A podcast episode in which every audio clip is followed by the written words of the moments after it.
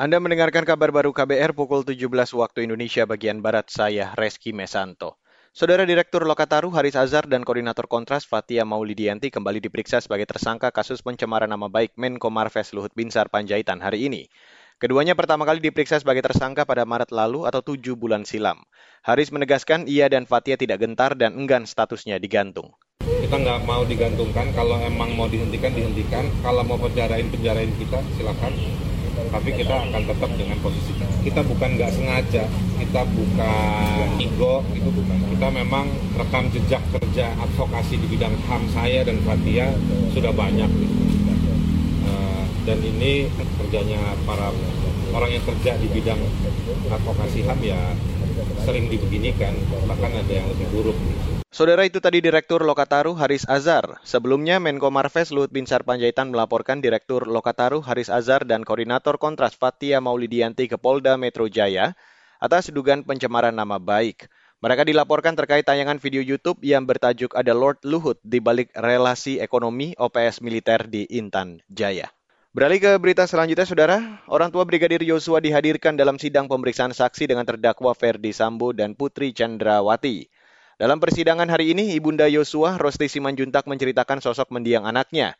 Rosti mengatakan anaknya merupakan putra yang patuh dan taat terhadap siapa pun. Itu disampaikan Rosti usai jaksa penuntut umum menanyakan sosok Yosua saat kecil. Dari kecil, anak saya memang anak yang paling patuh, anak yang paling ceria,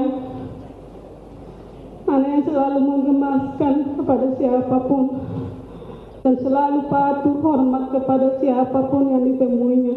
Karena saya menyarankan sebagai ibu seorang pendidik, memang selalu saya sarankan anak saya agar berbuat baik di mana pun berada. Saudara itu tadi Bunda Brigadir Yosua Rosti Simanjuntak. Sebelumnya, orang tua almarhum Yosua bertatap muka langsung untuk pertama kalinya dengan Ferdi Sambo dan Putri Chandrawati. Mereka merupakan salah satu saksi dari 12 yang dihadirkan jaksa penuntut umum di persidangan pemeriksaan saksi terhadap pembunuhan berencana Brigadir Yosua yang digelar hari ini di Pengadilan Negeri Jakarta Selatan. Dan dari lantai bursa saudara, indeks harga saham gabungan atau IHSG Bursa Efek Indonesia atau BI hari ini ditutup anjlok ke level 7.052 atau turun 0,66 persen. Dilansir dari investor.id, penurunan indeks dipengaruhi pelemahan sejumlah sektor saham, seperti sektor energi, sektor industri, sektor keuangan, sektor transportasi, dan logistik. Sedangkan sektor saham yang menguat ialah barang konsumsi, teknologi, dan material dasar. Sementara itu, kurs rupiah di pasar spot melemah 0,19 persen ke level 15.628 per dolar Amerika. Kemarin rupiah ditutup di angka 15.598 per dolar Amerika Serikat rupiah menjadi mata uang dengan pelemahan terdalam di Asia. Baiklah saudara, demikian kabar baru yang dipersembahkan oleh kantor Berita Radio. Saya Reski Mesanto.